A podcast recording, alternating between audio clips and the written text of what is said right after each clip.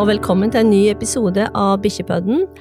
I dag så er tema kneskader, altså korsbåndskader og patellaluksasjon. Og eh, jeg kommer til å intervjue i dag veterinær Thomas Sissener og Venke, rehabiliteringsterapeut Wenche Ekeli fra Aquadag. Men først så har vi da Thomas Sissener her på tråden. Velkommen, Thomas. Ja, hei. Takk for at jeg kunne bli med. Veldig hyggelig at du kunne bli med. Ta så Fortell litt om Nishav. og det var din dyreklinikk i Sandefjord, var det ikke det du jobber på? Jo, ja det er riktig. Ehm, jeg er eh, opprinnelig norsk, men når vi var, eh, da jeg var ni år gammel, så flyttet vi fra Norge til USA. Så jeg har oppvokst i USA eh, og hatt min utdanning der. Ehm, og veterinærutdanningen er fra Colorado State. Og så i etterkant så tok jeg en spesialistutdanning i kirurgi, smådyrkirurgi, og det var eh, på Cambridge i England. Eh, og ble godkjent eh, europeisk spesialist i smådyrkirurgi i 2006. Og det er det mm, ca. 200 av i Europa, og fire her i Norge. Det er meg, og så er det en i Bergen og en kvinne i Oslo og en tysk kvinne i Oslo. Så det er det er ikke så veldig mange av oss, men, eh, men eh, det er eh, et veldig givende yrke. Og jeg har valgt å spesialisere meg litt mer på ortopedi. Så jeg driver stort sett med henvisningskasus innenfor ortopedi. Ja, Får du tilsendt pasienter fra hele landet, da? Ja, altså den klinikken jeg er medeier her med i, i Sandefjord er jo en eh, mer eller mindre vanlig klinikk, men vi også har en henvisningsavdeling for eh, for ortopedipasienter. Så vi blir eh, henvist pasienter alt fra Stavanger, Bergen, Oslo, eh, helt opp fra Finnmark, til og med kommer ned hit eh, for enkelte ting. Så det er stort sett henvisninger for meg. Ja, så da, er det mange operasjoner du har i løpet av ei uke? Ja, eh, de fleste operasjoner er jo eh, litt lengre og kanskje litt kompliserte operasjoner. Så eh, det tar jo litt tid, men vi tar vel gjennomsnittet ca. tre om dagen, tenker jeg. Og så har vi Oi. timer også. Men Thomas, ta så fortell meg litt om dette med Vi kan starte med korsbåndskade. Fortell litt om det. Ja, altså korsbåndskade er vel kanskje den vanligste eh, ortopediske skaden vi ser på, på, hunder, spesielt aktive hunder. Korsbåndet er Det er faktisk to korsbånd, et fremre og et bakre korsbånd eh, i da knær som er i bakbenet til, til hunden. Eh, hunden har tre store ledd i bakbenet sitt. De har da hofteleddet, som de fleste kjenner til. og så har de Under den så har de kneleddet, som vinkler seg da litt fremover. Og så er det nederst er det da haseleddet, eller ankeleddet, som vinkler seg litt bakover. Eh, og I kneleddet så er det fem store eh, sener eller ligamenter. Du har den store kneskålscenen foran, som heter patellascenen. Og så har du da støtteligamenter på hver side av kneet, som heter eh, kollaterale ligamenter. Og så inni i kneet så har du to leddbånd som krysser hverandre i et kors. Det er sånn de har fått navnet sitt, eh, korsbånd, eller cruciata på latinsk. Og det er det fremre korsbåndet, det som går starter bakfra i lårbenet og går fremover og fester seg foran på skinnbeinet, som er da det fremre korsbåndet, og som er det som er skadet eh, ofte på hund. Um, og det er det, vi, det er det vi hovedsakelig ser eh, av korsbåndskader. Det kan hende en gang iblant at man ser en bakre korsbåndskade, men det er en veldig sjelden skade I mine 20 år som ortoped, så har jeg vel sett det fem-seks ganger. Ofte så kommer det pga. traume eller, eh, eller lek. Eh, men eh, fremre korsbåndskader, det har en litt annen årsak. Ja, hva er årsaken da til det? Nei, altså Der er hunder og mennesker litt forskjellig. Fordi at Når de først fant ut at hunder fikk fremre korsbåndskader, sånn som mennesker, så så de på muligheten til å bruke hunder som forskningsdyr eh, for modeller på mennesker. Men det fant ut etter hvert at hunder får en annen type korsbåndskade enn mennesker får. Oss mennesker vi får korsbåndskade på fotballbanen eller eh, på slalåmbakken. Mens hunder de får en type skade som heter en degenerativ skade. Og Det betyr at eh, korsbåndet svekkes over tid. Og Hvorfor det skjer, det, det vet vi ikke. Eh, det forskes veldig aktivt på. Men vi ser at hvis man høster korsbånd fra hunder i diverse stadier av sitt liv, så ser man at fibrene i korsbåndet at de blir nedbrutt og svekkes over tid. Så en korsbåndskade i en hund trenger ikke nødvendigvis å være pga et stygt fall i en slalåmbakke eller eh, sklitakling på en fotballbane, det kan skje under mindre aktivitetsnivå. Da spesielt hvis den har, eh, har blitt svakere over tid. Men er det noen raser som er mer utsatt for eh, korsbåndskade? Ja, absolutt. Og der, der er det nok litt antydning til genetikk i korsbåndskader også. Vi ser at enkelte raser, sånn som f.eks. rottweilere, eh, labradortrivere, bernerstennenhund, eh, er eh, mer utsatt for korsbåndskader. Og det kan tyde på at dette er også en det vi kaller multifaktorisk skade. Altså det er ikke bare genetikk, det er ikke bare aktivitet, men det er andre ting som spiller inn. Og Det er blitt forsket veldig aktivt på, så vi vet at det er enkelte ting som kan spille inn på eh, korsbåndskader eller den degenerative forandringen. Og Det er bl.a. kjønn. Eh, tisper er litt mer utsatt enn hannhunder, spesielt steriliserte tisper. Eh, overvektige hunder er eh, også litt mer predisponert. Og så har vi da eh, hunder som, som, kanskje er det vi vil kalle på engelsk 'weekend warrior'-syndrom. Altså hunder som er på sofaen fem dager i uken, men som tar veldig, veldig lange turer på helgen. Eh, og de eh, har en veldig unormal, ujevn aktivitetsnivå, og de kan også være mer utsatt. Ja, for jeg vet at både engelsksetter, jeg var borti det, som har hatt korsbåndsskade, laska husky, de setter sett på grå elghund, så andre raser òg kan få det, da? Absolutt, jeg har sett det i nesten alle raser. Eh, det er egentlig nesten kun mynderasene som er eh, skjermet for korsbåndskader. Mynderaser, eh, skal du velge en rase hvor du helst ikke vil besøke en ortoped i ditt liv, så velger du en mynderase. De er, eh, de er veldig sjelden vi ser HD eller korsbåndskade på. Eh, de mindre mynderasene de kan ha litt problemer med brudd i frambeina sine, men eh, ellers så er mynderasene veldig, veldig sjelden vi ser eh, korsbånd eller hofte eller dysplasi. Men nesten alle de andre rasene, inkludert eh, enkelte av de små. Jeg har selv hatt en liten terrier med korsbåndskade i begge bakben, så det kan skje på nesten alle. Men det er jo forskjellige typer operasjonsteknikker jeg har vært i nå og snakka om i flere år. Hva slags operasjonsteknikker er det som blir bruka i dag?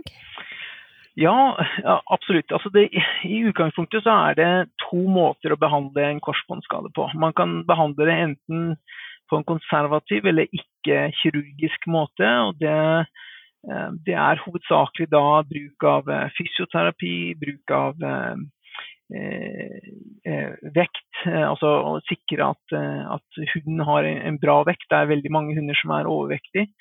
Eh, forandre litt på aktivitetsnivå, eh, bruk av eh, leddfôr eller kosttilskudd. Eh, også da spesielt under den akutte fasen av å holde hunden i ro. Det, forskningen viser at det kan fungere, men hovedsakelig på de, de små hundene. Så Det er snakk om hunder under kanskje 10-12 kg. Så er det også snakk om hunder med en type korsbåndskade hvor kneet er ikke veldig ustabilt. Altså Man har ikke en veldig stor bevegelse, men kanskje det vi vil kalle en partiell skade med 50-60 hvor eh, det ikke er andre skader, sånn som f.eks. menisken i kneet. De kan behandles. Eh, små raser kan i enkelte tilfeller behandles konservativt. Men hovedsakelig så er de fleste behandlet med kirurgi. og det Målet bak det er å stabilisere kneet. Da har man to forskjellige måter man kan gjøre det på. Man kan enten erstatte korsbåndet med et slags kunstig korsbånd, og der er det flere typer variasjoner på samme teknikk. Om du erstatter det med noe som ligner et, eh, et stort eh, nylon fiskescene, eller om du erstatter det med noen av de mer nyere materialene, sånn som f.eks. Eh, tightrope, som er en, en, ny teknikk, men basert på erstatning av korsbånd. Den andre måten du kan eh, fikse det på, er å gjennom det vi kaller en osteotomi. Eh, osteo betyr benvev eller knokkelvev, og otomi betyr et snitt. Så alle disse forskjellige eh, operasjonene er basert på et snitt i benvev. og Da er det hovedsakelig skinnbeinet hvor det snittet ligger. Da lager vi et snitt i skinnbeinet, og så forandrer vi litt av vinklingen i kneet. Og den forandringen gjør at kneet er stabilt, og at, eh, at man avlaster det fremre korsbåndet som er, eh, som er røket. Men har det ikke et navn? Er det det som heter TPLOL?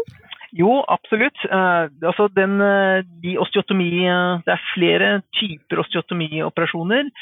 Eh, den som kanskje er mest kjent, den heter TPLO. og Den ble eh, utforsket og, og, og, og, egentlig publisert og beskrevet av eh, en dyrlege som han er dessverre borte nå. Han het Barclay Slocum. Han var en dyrlege som var litt flink til å tenke litt utenfor standard, standardtenkningen.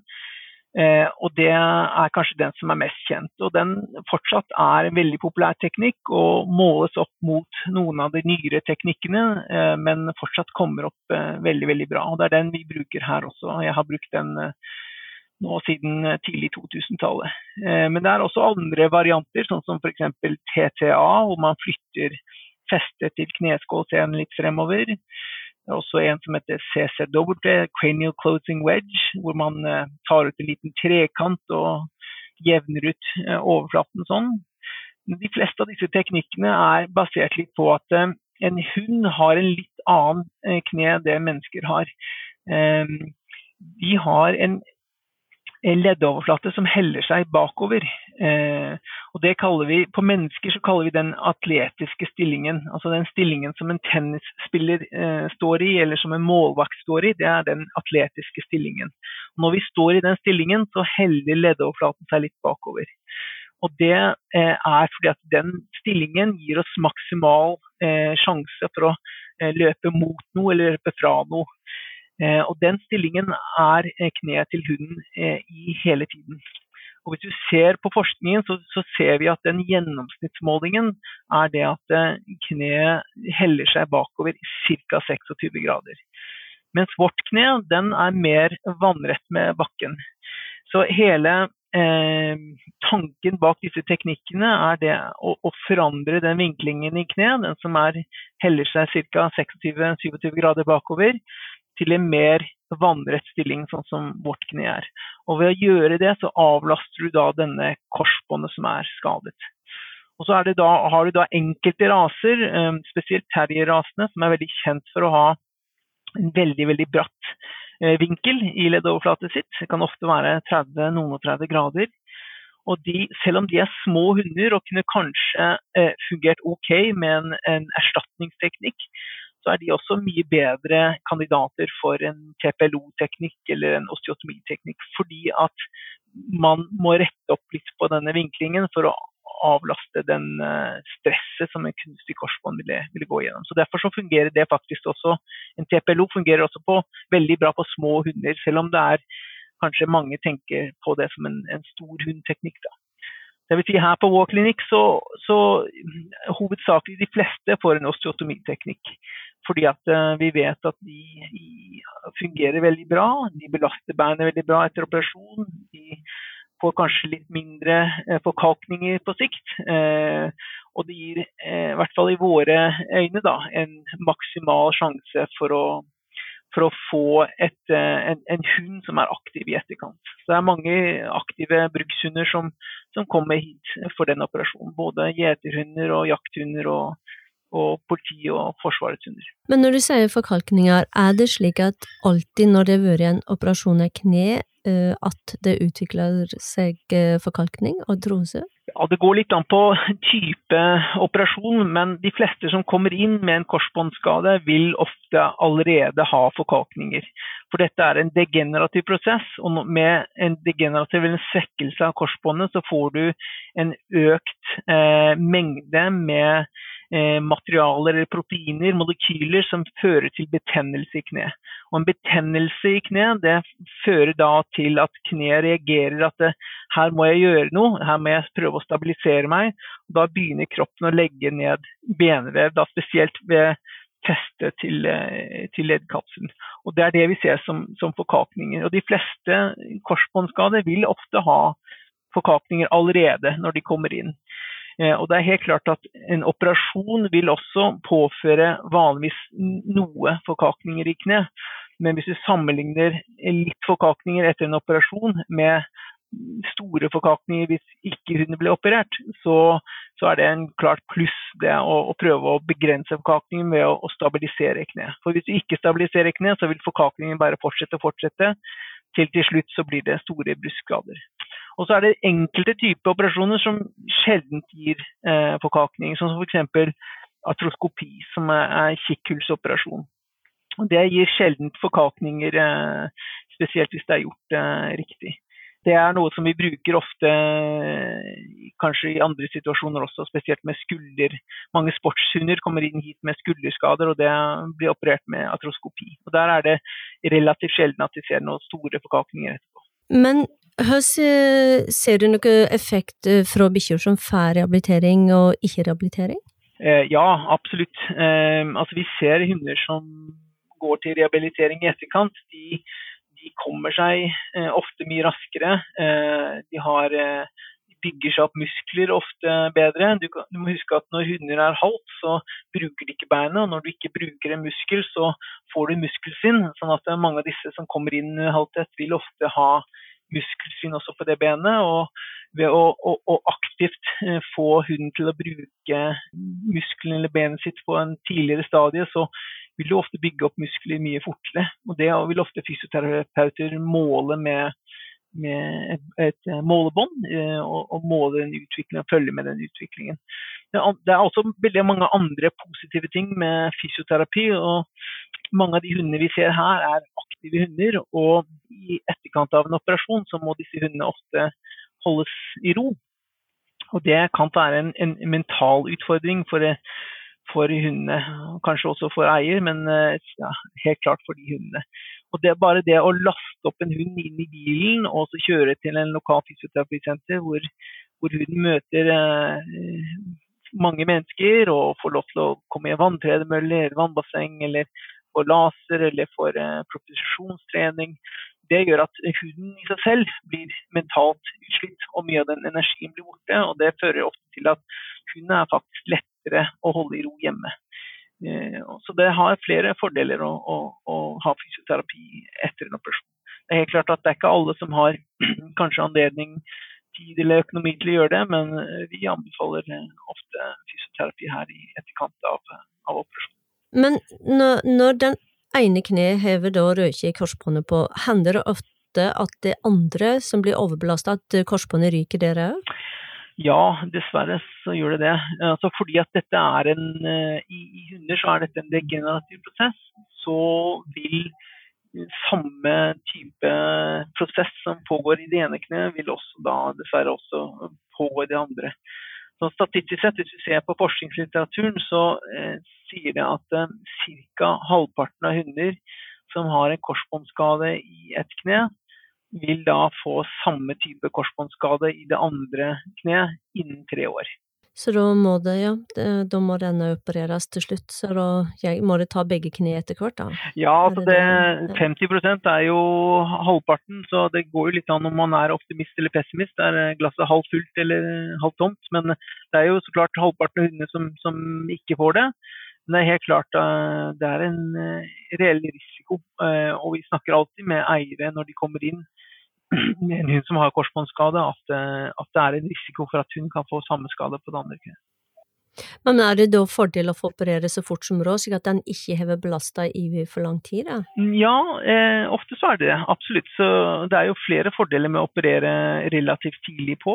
Eh, en av fordelene vi ser, er at i hunder med partiell korsbåndskade, altså delvis avrevet korsbånd, så, så, er det blitt påvist med noe som kalles second look arthroscopy. altså Hvis vi går inn med atroskop seks måneder etterpå og ser på korsbåndet, så kan vi se at det er hunder med rift under 30% ved å forandre vinklingen i kne, så beskytter vi resterende korsbåndet, og det kan faktisk holde seg stabilt på sikt.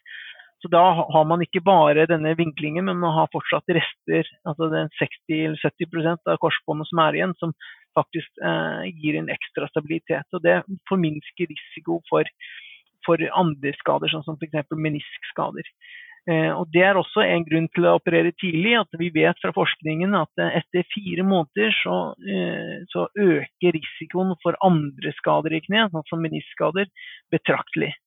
Så Der er det også en fordel å komme inn tidligere. Og så er det da det med forkalkning. At det lengre denne betennelsesprosessen foregår i kne, eh, dess mer forkalkning vil det bli. Dess mer halvt huden er, dess mer eh, muskelsvinn den vil ha. Så det er vanskeligere det er å komme opp igjen til eh, normalnivå. Kjempebra. Vi må òg snakke litt om uh, patellaluksasjon. Ja. Um, kan du fortelle litt hva er patellaluksasjon? Ja, eh, patellaluksasjon skjer da også i, i, kneet til en hund. Altså Patella er eh, fagspråket for eh, kneskål. Eh, og en luksasjon betyr at det går ut av ledd. Så da, Det er det at kneskålen går ut av ledd. Og Det er en, en eh, tilstand som kan skje på, på alle hunder. Eh, vi ser det også på store hunder, men kanskje mest på de, de små hundene.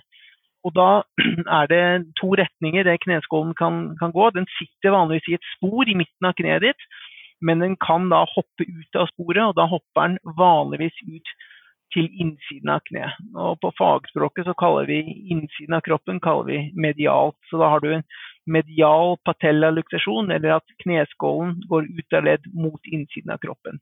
Og Det er den vanligste retningen den går. Og Så har du også lateral eh, patellaluksasjon, at den går mot utsiden av kroppen. Det er kanskje mer vanlig i store hunder. Eh, kanskje en rase som er veldig kjent for det, er flatcoated retriever. De får ofte det, men vi ser det i andre raser også. Og det kan jo hende at vi ser det i små hunder også. Eh, men når den går ut av ledd, så låser kneet seg. Og det, det, som skjer da, er at hun da har et låst kne, så ofte i bare noen sekunder. Og da, da løfter den beina opp og hinker den. Eh, så den hopper over enkelte steg. Og det den ofte lærer seg å gjøre da etter hvert, er det at den strekker beinet ut bak, så vil den lære at da går patella inn igjen. Så mellom disse hinkeepisodene så virker den helt normal. Så det er en mekanisk halthet, i hvert fall til å begynne med. Og så kan det etter hvert gi, gi følgeskader i kneet. Men eh, er det ikke ofte små raser som, som hevder? Jo, det er absolutt flere av de små som har det, men vi ser også en del store som har det. Vi opererte her eh, bare for noen uker siden en, eh, en stor Newfoundland med, med lateral patellereduksjon. Så det skjer i, alle raser, men jeg vil si at hovedsakelig så er det de små. Men det kan skje i store raser også. Staffies, uh, Staffordshire Terrier får en, en, del av det. Um, så vi ha, har andre raser også. Men jeg vil si at, at, mine pasienter Dette er jo kanskje et område som jeg er eh, mer enn gjennomsnittsinteressert i, så vi ser veldig mange på patellaluksasjoner. Vi får veldig mange henvist fra, fra hele landet ned hit, og vi opererer vel kanskje en i hvert fall en tre-fire, kanskje fem i uken. Um, og det er hovedsakelig små hunder. Så vi har her på vår klinikk så har vi eh, veldig spesiell utstyr bare for de små. Så vi har operert helt ned til 800-900 gram. Så vi har spesielle ventilatorer, spesielle varmetepper, måter å sjekke blodsukkeret på, eh, følge med alt sammen. For det er en utfordring da også med liten kroppsvekt eh, med anestesi. Så der har vi spesiell erfaring innenfor eh, det området. Men når du opererer, gjør dere da spesifikt i kneet? Jo, altså med patellaluksasjon så er det en kombinasjon ofte av mange forskjellige inngrep som blir gjort. Men, eh, og det går litt an på huden, men de fleste eh, pasientene vil vi ofte fordype den sporet som den sitter i. Ofte så er den veldig grunn. Og Da har vi forskjellige teknikker å gjøre det på, men den, den vi bruker her, er en litt nyere teknikk. Den heter blokksylkoplasti. og da, da tar vi et lite snitt for hver side av det sporet, og så tar vi et instrument hvor vi går under brysken. For den brysken du har der, den er eh, en veldig spesiell eh, brysk. Den heter hyalinbrusk, og den, hvis den blir borte, så får den ikke tilbake. Den er veldig glatt og fin, så vi prøver å spare på den. Så da løfter vi ut den brusken. Og så fjerner vi litt av benvevet under der hvor brusken satt, og så transplanterer vi den brusken tilbake inn i sporet igjen. Og da eh, fører det til at vi har spart på den fine glideoverflaten som kneet opprinnelig hadde.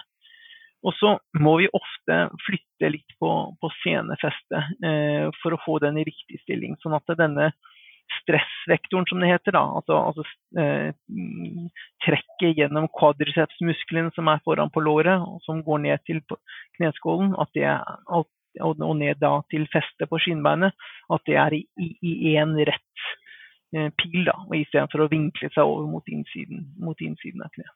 Men eh, det er jo vel fire grader av patellaluksasjon, er det ikke det?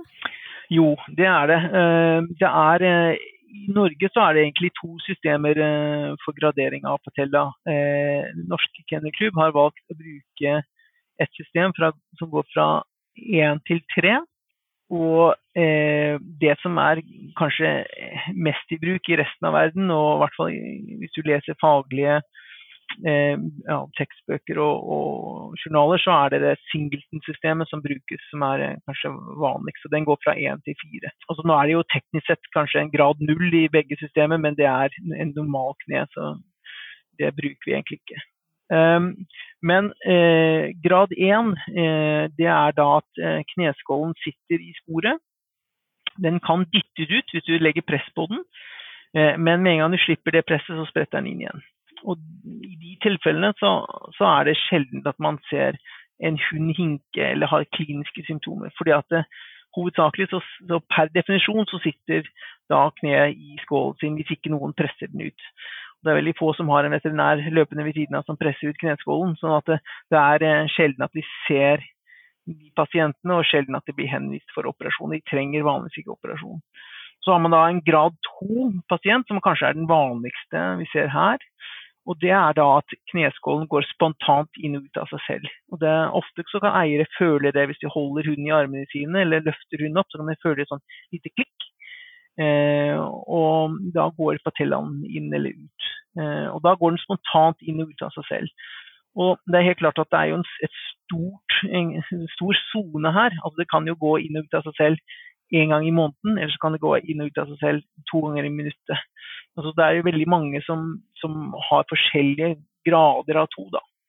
Eh, og det er jo enkelte grad 2-pasienter som eh, sjelden hinker eller ikke har problemer, og så er det noen som har ganske store utfordringer, og hinker mye. Så med hensyn til behandling så er det, er det ikke én altså blanket rett fram behandling for alle grad 2-pasienter, men der tar vi Eh, et, et, eh, en beslutning med eier om ja, hvordan hun er, hvordan den fungerer, symptomer og sånne ting. Og Så har du da grad 3-pasienter, og det er at kneskålen er ut av ledd hele tiden, men kan dyttes inn i, i sporet sitt. Og så har du grad 4-pasienter hvor den er ut av ledd, eh, kan ikke dyttes inn. Og grad 3 og grad 4-pasienter hvor kneskålen er ute av ledd hele tiden, det sier seg selv at det, at det er en unormal tilstand. Eh, og det, der eh, anbefaler vi nesten alltid en operasjon.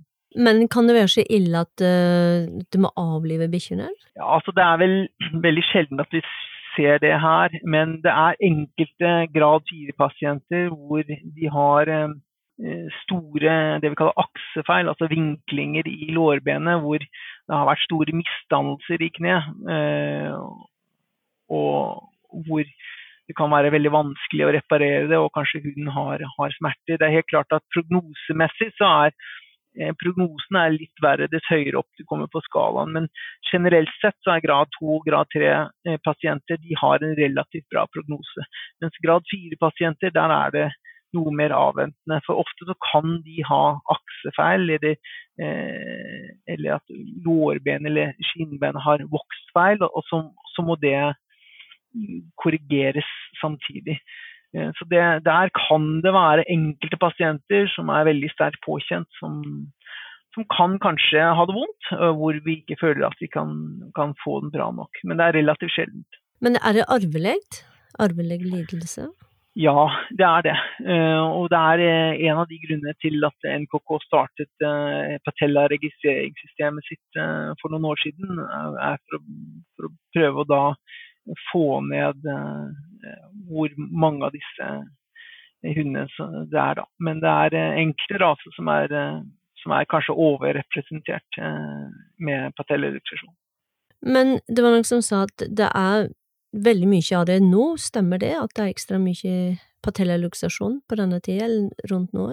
Ja, altså tenker du da altså, i denne sesongen, eller sånn generelt nå i det siste Nei, gener ja, generelt så var det noen som sa at det er veldig mye patellaluksasjon. Ja, altså jeg tror nok det er, eh, det er ja, jeg vil nok si at jeg ser mer patellaluksasjon nå enn det jeg gjorde før. Altså Min praksis eh, for fem-seks år siden var nok mer korsbåndskader og mer atroskopi, altså kikkhullsoperasjoner, albuer, skuldre. Eh, men nå, nå vet jeg ikke, fordi at jeg også har en spesiell interesse, så det er mange som kommer hit, men vi ser kanskje mer patella enn det vi ser korsbåndskader nå. Men det er nok også litt fordi at eh, de små rasene som er eh, veldig populære om tiden, mennesker har jo forandret litt eh, hundehold. Det er jo eh, en eldrende generasjon som flytter inn til leiligheter og sånne ting, kanskje ikke har stor hage mer, ønsker seg fortsatt en hund. Eh, og Det syns jeg er veldig hyggelig, men kanskje en litt da mindre hund. og velger de da noen av disse mindre rasene som da også kommer med, med en utfordring med patellereksjon. Så jeg vil nok si at det er nok mer, men det er også fordi at eh, de hundene har blitt mer populære også. Ja, men det her var veldig eh, informativt, eh, Thomas, så tusen hjertelig takk. Ja, bare hyggelig. Hyggelig at jeg kunne være med. Ja, og dette blir ikke siste gang dere kommer til å høre fra Thomas Sissener, det kommer til å komme flere intervju om ulike typer skader og problem. Og hvis det er noe du har lyst til å stille Thomas spørsmål om, eller noe ting du lurer på, så kan du sende mail til Carmen at nordiskhms.no. Thomas er en veldig opptatt mann, så vi kan ikke renne ned med mailer, men kom gjerne med tips om ting som du vil at vi skal ta med på senere sendinger. Videre nå så skal jeg snakke med rehabiliteringsterapeut Wenche Ekeli, der hun skal snakke om hvordan man rehabiliterer disse kneskadene som korsbåndskade og, og patellaluksasjon. Hei, Wenche Ekeli fra Aquadag Vestfold. Hei, Carmen. Koselig å se deg, høre deg igjen. Ja, i like måte. Så Wenche, kan ikke du fortelle litt om Aquadog Vestfold? Jo, det kan jeg. Eh, Aquadog Vestfold har jo vært eh, Jeg starta jo opp Aquadog eh, i Sandvika i 2004. Og da var det jo ikke så mange tilbud om rehabilitering i Norge. Og jeg hadde mange kunder fra Vestfold, og flere var på meg. Kan du ikke starte opp i Vestfold også? Så etter mye mas da, så tenkte jeg at ja ja, eh, det kan jeg kanskje. Eh, og så fant jeg ut, jeg gjorde litt undersøkelser og fant ut at eh, hvor i Vestfold er det lurt å starte opp. Så jeg blei vel enig etter å ha forhørt meg litt om at Tønsberg måtte jo være greit. Sånn at vi ligger i Bjellandåsen, rett overfor travbanen, Jarlsberg travbane i Tønsberg. Har vært der siden 2008, og der har vi vanntredemølle, vi har svømmebasseng, vibrasjonsgulv, laserbehandling og eh, trening på ball og massasje. Det meste av det du kan tenke deg av rehabilitering, da, rett og slett. Og vi holder også noe kurs i trening på ball og sånne småting. I tillegg til rehabutdanning for hund. Um, men det som jeg akkurat hatt, er jo et intervju med Thomas Sissener, og, og, tenkte vi skulle ta litt om skader. Og de første skadene det var, vi snakka om, det var kneskader, altså korsbånd og korsbåndskader og patellaluksasjon. Mm. Så kan ikke du fortelle litt om rehabilitering av de skadene? Hva gjør det for å rehabilitere? Det kan jeg snakke litt om. Eh, nå er det jo sånn at vi rehabiliterer både korsbånd og patellaluksasjon ganske likt, så jeg tenker å ta det, en, ta det under ett. Eh, når det gjelder eh, kneskader, så starter vi hos oss sånn ca. 10-14 dager etter operasjonen. Kommer litt an på hva slags teknikk som er brukt, men det er en sånn tommelfingerregel. Nå er det jo ikke sånn at rehaben eh, starter hos oss. Den starter med en gang du får eh, bikkja di hjem fra veterinær. Så det er ofte lurt å ta kontakt med oss med en gang du henter den, sånn at vi kan eh, fortelle deg hva du skal gjøre fram til første besøk hos oss. Det som er viktig hjemme med en gang, det er nedkjøling av kneet. Og så er det jo forskjell på da om du skal kjøle på etter hva slags type operasjon den har vært igjennom, om det er implantat eller ikke. Fordi hvis det er et implantat der, så skal det ikke kjøles på implantatet, men på motsatt side. Det er kjempeviktig. Derfor er det veldig viktig å ta kontakt med noen som kan det, da. I tillegg til det så er det jo bare ut og tisse, korte tisseturer. Og kjøling og hvile, ofte i bur. Uh, ikke noe leking, det er veldig mye restriksjoner. Det er ikke lov å hoppe opp i bil, ikke opp i sofa, ikke gå i trapper. Mye som er strengt, og det er veldig viktig å vite om for at ikke dette her skal gå opp. Men eh, Wenche, ta oss og forklar litt nærmere hensikten med å kjøle ned. Ja, Det er fordi at uh, ofte så er det hovent og varmt etter en operasjon. Og når vi da kjøler den ned, så får vi Så trekker uh, blod, blodcellene seg sammen, og vi får i gang Når du da tar bort kjølepakningen igjen, så kommer blodsirkulasjonen i gang, og du får Altså det heler seg Du får i gang blodsirkulasjonen, og du får i gang helingsprosessen, da. Sånn ja. kort og kjapt fortalt. For det er på en måte er det for, for å dempe betennelsesreaksjonen som òg skjer? Ja, det er også, for det, i tillegg så går de jo også på smertelindring og betennelsesdempende medisiner. Så det er jo en eh, ekstra ting, tiltak, da. Nå har det jo vært litt eh, diskutert, da, det med kjøling, og hvor lenge man skal gjøre det. Noen er jo sier at nei, kjøling er ikke noe vits, men eh, jeg, min erfaring er at det er kjempeviktig. og jeg ser jo det, de som er blitt kjøla i forhold til de som ikke er, er at de som kjøles, de blir fortere bra. De slutter fortere å halte og kommer seg fortere. Så jeg er veldig for det. Ja, er det vanskelig å få eieren til å fyre de restriksjonene som du setter? Ja, noen ganger så kan det være litt vanskelig å få dem til å skjønne viktigheten av det, helt til de har et uhell, og så ser de jo det, at det er viktig, da. Det trenger ikke å være et sånt stort uhell som gjør at skaden går opp, men at den blir mer halvt igjen. Og Det kan jo vi se neste gang den eh, kommer til oss, da, at eh, hva har skjedd nå? Nå er den jo mer halvt enn sist. Og så er det jo gjerne et eller annet uhell, da. Og det er fort gjort. Det kan skje den beste. Selv hvor strenge de er, så kan det skje. Så det er ikke noe sånn til forkleinelse av eieren, men eh, det er kjempeviktig å gjøre så godt man kan for å holde på restriksjonene, da. Men hvor lenge må bikkjene være i burhvile, og, ja, og når, start, når, du starter opp med rehabilitering, hva er det første dere gjør? Nå var det et par spørsmål på en gang her, men Ja, nå, jeg kan jo ta det med burhvile først, for det er veldig individuelt. Det er ikke alle som trenger det heller. Det kommer helt an på hvor uh, alderen på hunden, og hvis den er ung og veldig leken, så er det kanskje lenger enn en som er godt voksen. Og så er det veldig stor forskjell på raser. Har du en uh, ung bokser som er bare du ser på, så er det jo yes! Så er det stor forskjell på en uh, gammel sedat bulldog f.eks., som kanskje ikke trenger å være i det buret i det hele tatt. Så det er stor forskjell. Nå har jeg glemt hva du spurte om, spørsmål nummer to. ja, det var når du begynte rehabilitering, første dagen på rehabilitering, så, for, så for, forklar da fra første dag og gjennom hele rehabiliteringen hva det gjør, og lang, lang tid bruker du på det? Ja, første gangen de kommer til oss, så tar vi opp eh, vi Da har vi jo gjerne fått en eh, sykehistorie fra veterinær på mail, eller hvis ikke vi har fått det, så vil vi gjerne at eieren har det med, sånn at vi ser hva som er gjort, hva slags teknikk han har brukt. og sånn i forhold til hva vi skal gjøre videre. Da. Og så begynner vi med å mønstre. Vi ser eh, på halvtettsgrader, hvor ja, vi ser nesten på alt og kjenner på muskulatur. Vi måler. Er det mye atrofi? Er det hvor breie kne er? Hvor stor forskjell det er på knebredde, på høyre og venstre f.eks. Uh, eh, om det er varmt, kjenner vi etter. Uh, når vi har gjort alt det her og undersøkt den godt, så begynner vi første behandling. Og da nesten alltid på kneskader så begynner vi med fem minutter på vibrasjonsgulv.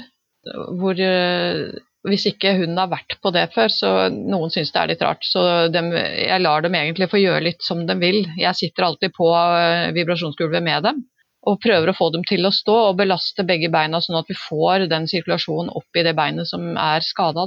Når vi er ferdig med det, så går vi i vanntredemølla. Og vi har ganske mye vann første gangen for å avlaste mest mulig og det er sakte tempo. Og da kan vi inspisere bevegelser der. Er det noe, står de på alle fire bein lik belastning, ulik belastning. De alle, alle går på fire bein i vanntredemølla som regel. Eh, fordi det er vanskelig å gå på tre bein der. Det går an, men det er vanskelig fordi at når vi går så sakte, så må de støtte med alle bein. Og vi begynner Det kommer Altså, det er korte etapper.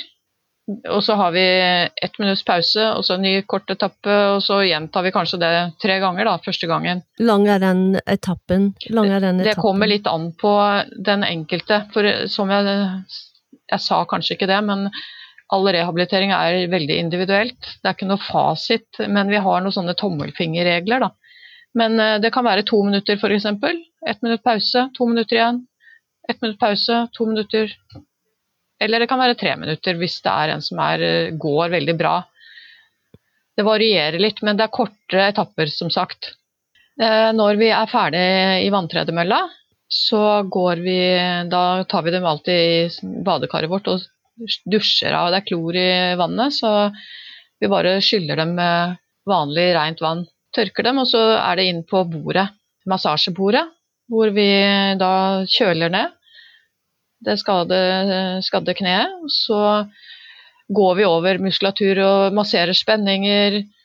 Ofte så har de jo da spenninger diagonalt og oppi lenderyggen på kneskader. På, når vi ser kneskader, så er det ofte veldig stramt øverst i, på framsida av låret, helt opp i lysken. Der blir de veldig stramme fordi at det går og holder opp det skadde beinet. Og når de går og holder opp der, så blir de også stramme bak i leggen, eller på fagspråket gastroknemius. Og det er, kan være beinhardt, så det er veldig viktig å massere opp det for å få dem til å gå riktig. Og når vi har massert hele hunden og stretcha litt det, det, Vi er litt forsiktige med stretching sånn i starten på en sånn kneskade, men vi kan jo stretche alle de andre beina. Og så er det mønstrer vi igjen for å se om det har hatt noe effekt. Og det har det jo som regel. Det hender jo spesielt disse de er små med patellaluksasjon, ofte små chihuahuaer og sånn, som de er veldig flinke til å gå på tre bein. Og jeg har jo hatt noen etter å ha massert eh, foran på låret og massert opp der jeg sa nå, så går de på fire bein etterpå. Og eierne er jo helt sånn Hva har du gjort nå? Og det er jo litt moro. Så, og så lager vi da hjemmelekser.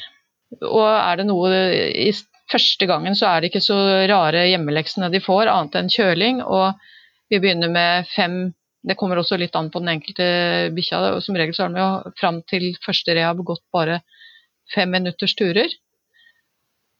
Da kan vi kanskje øke til ti minutter. Og vi vil gjerne ha dem da til å gå fire-seks ganger om dagen hvis eieren har tid til det. Og så skal de jo da gå med kort bånd, sånn at uh, de får mest belastning bak. Altså mest mulig belastning bak. For hvis de går og snuser hele tida, så kan de gå og dingle med bakbeina, og det vil vi jo ikke. Skal vi trene det opp, så må det belastes. Så det er viktig. Det er én hjemmelekse. Og en annen ting som vi begynner med med en gang, er sånne små gyngeøvelser hvor de uh, står med beina parallelt. Det er fin øvelse å gjøre inne. Legger hendene bak på lenden, og så gynger vi rett opp og ned for å bruke muskler. Og da skal ikke hunden bru, han skal ikke flytte på beina, han skal bare stå stille. Og det kan varieres da med side til side mens beina står stille, for å flytte vekt. Det er en veldig fin øvelse å starte med. Så Men da lærer, da lærer de ikke neieren ja, ja. hvordan det skal gjøres? Vi viser dem, og så får dem vise at de har skjønt det etterpå. Og det er veldig fint. Og også forklare med inn hvorfor de skal gå med kortbånd, og hva som skjer hvis de ikke gjør det, og at de skal gå så sakte at den uh, bikkja må gå i skritt. For hvis han løper, så er det veldig fort gjort å gjøre det på tre bein. Da mister vi jo hele treningseffekten. Så det er mye sånne småting da, som de egentlig ikke har tenkt over før de skjønner, de skjønner jo veldig godt når vi forklarer hvorfor. Det er sånt vi gjør første gangen, da. Og så begynner det da videre og lengre og lengre i vanntredemølla. Og... Mm. Ja, det er det samme mønsteret hver gang de første ukene, og vi vil gjerne ha dem da to ganger i uka. Altså, Vi bygger opp sånn gradvis, sånn at uh, turlengden økes kanskje én gang i uka med fem minutter i, per tur. da. Hvis du øker den, uh, hvis du f.eks. øker ti minutters turer ganger fire til 15 minutter ganger fire, så er du plutselig oppe i en time tur om dagen. Men det er jo ikke sånn da at du kan legge sammen de fire 15-minutters-turene til én time. For da får du stikk motsatt eh, effekt, sånn at da får du tilbakeslag. For det er jo overanstrenging. Så det er veldig viktig å tenke på det, også forklare eieren hvorfor. For det er mange som tenker at ja, ja, time, da kan vi jo gå en hel time, og så vi, greier vi oss med én tur. Har hatt flere som har gjort det og ikke tenkt på hva som skjer da. Og da kommer det med en halv tur neste gang og det er dumt. Men hvor lang tid, mange ganger må de komme til rehabilitering før de anser deg som eh, bra nok, liksom, til å avslutte det? Ja, det er også veldig individuelt, da, men jeg ser på en vanlig korsbåndskade, så tar det gjerne ti rehabbesøk. Eh, og så er det jo gjerne sånn, spesielt i starten, at vi vil ha dem to ganger i uka. Etter kanskje tre uker så kan vi kanskje gjøre det sånn at det kommer én gang i uka for å drøye rehabiten hos oss, så vi ser den eh, hunden lenger.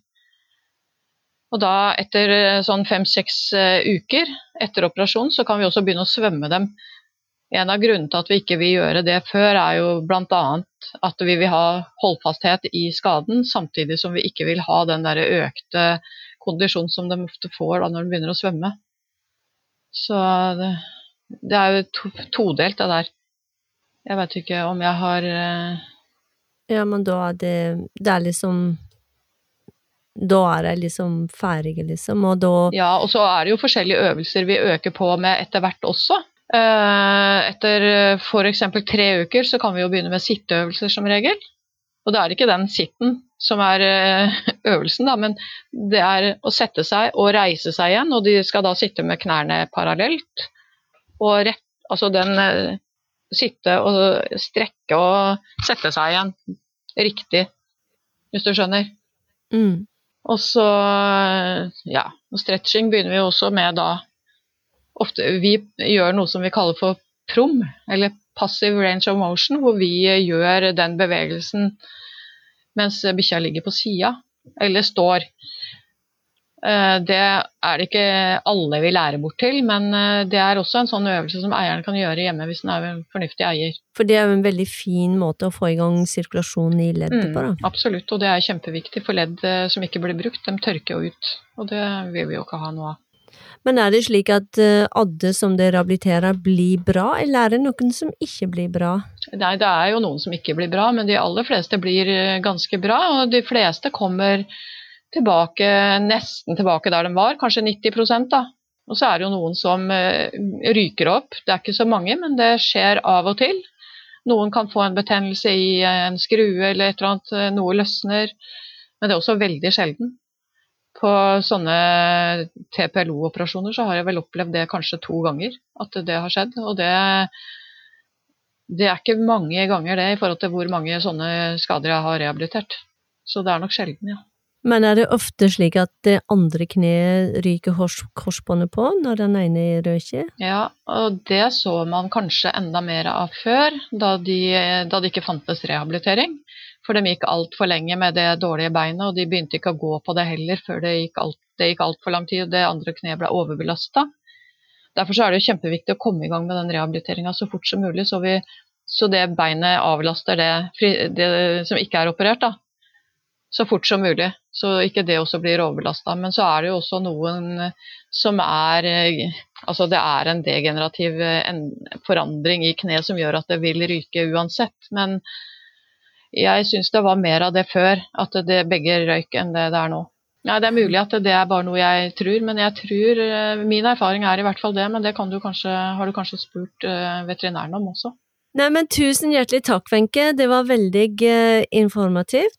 Så, så håper at uh, dere lyttere får noe ut av det her. Vi kommer til å ha med flere intervjuer med Wenche uh, og Thomas Sissener om ulike typer skader. Så dere må bare fyre med på bikkjepodden framover, så kommer det etter hvert. Ha en fin dag!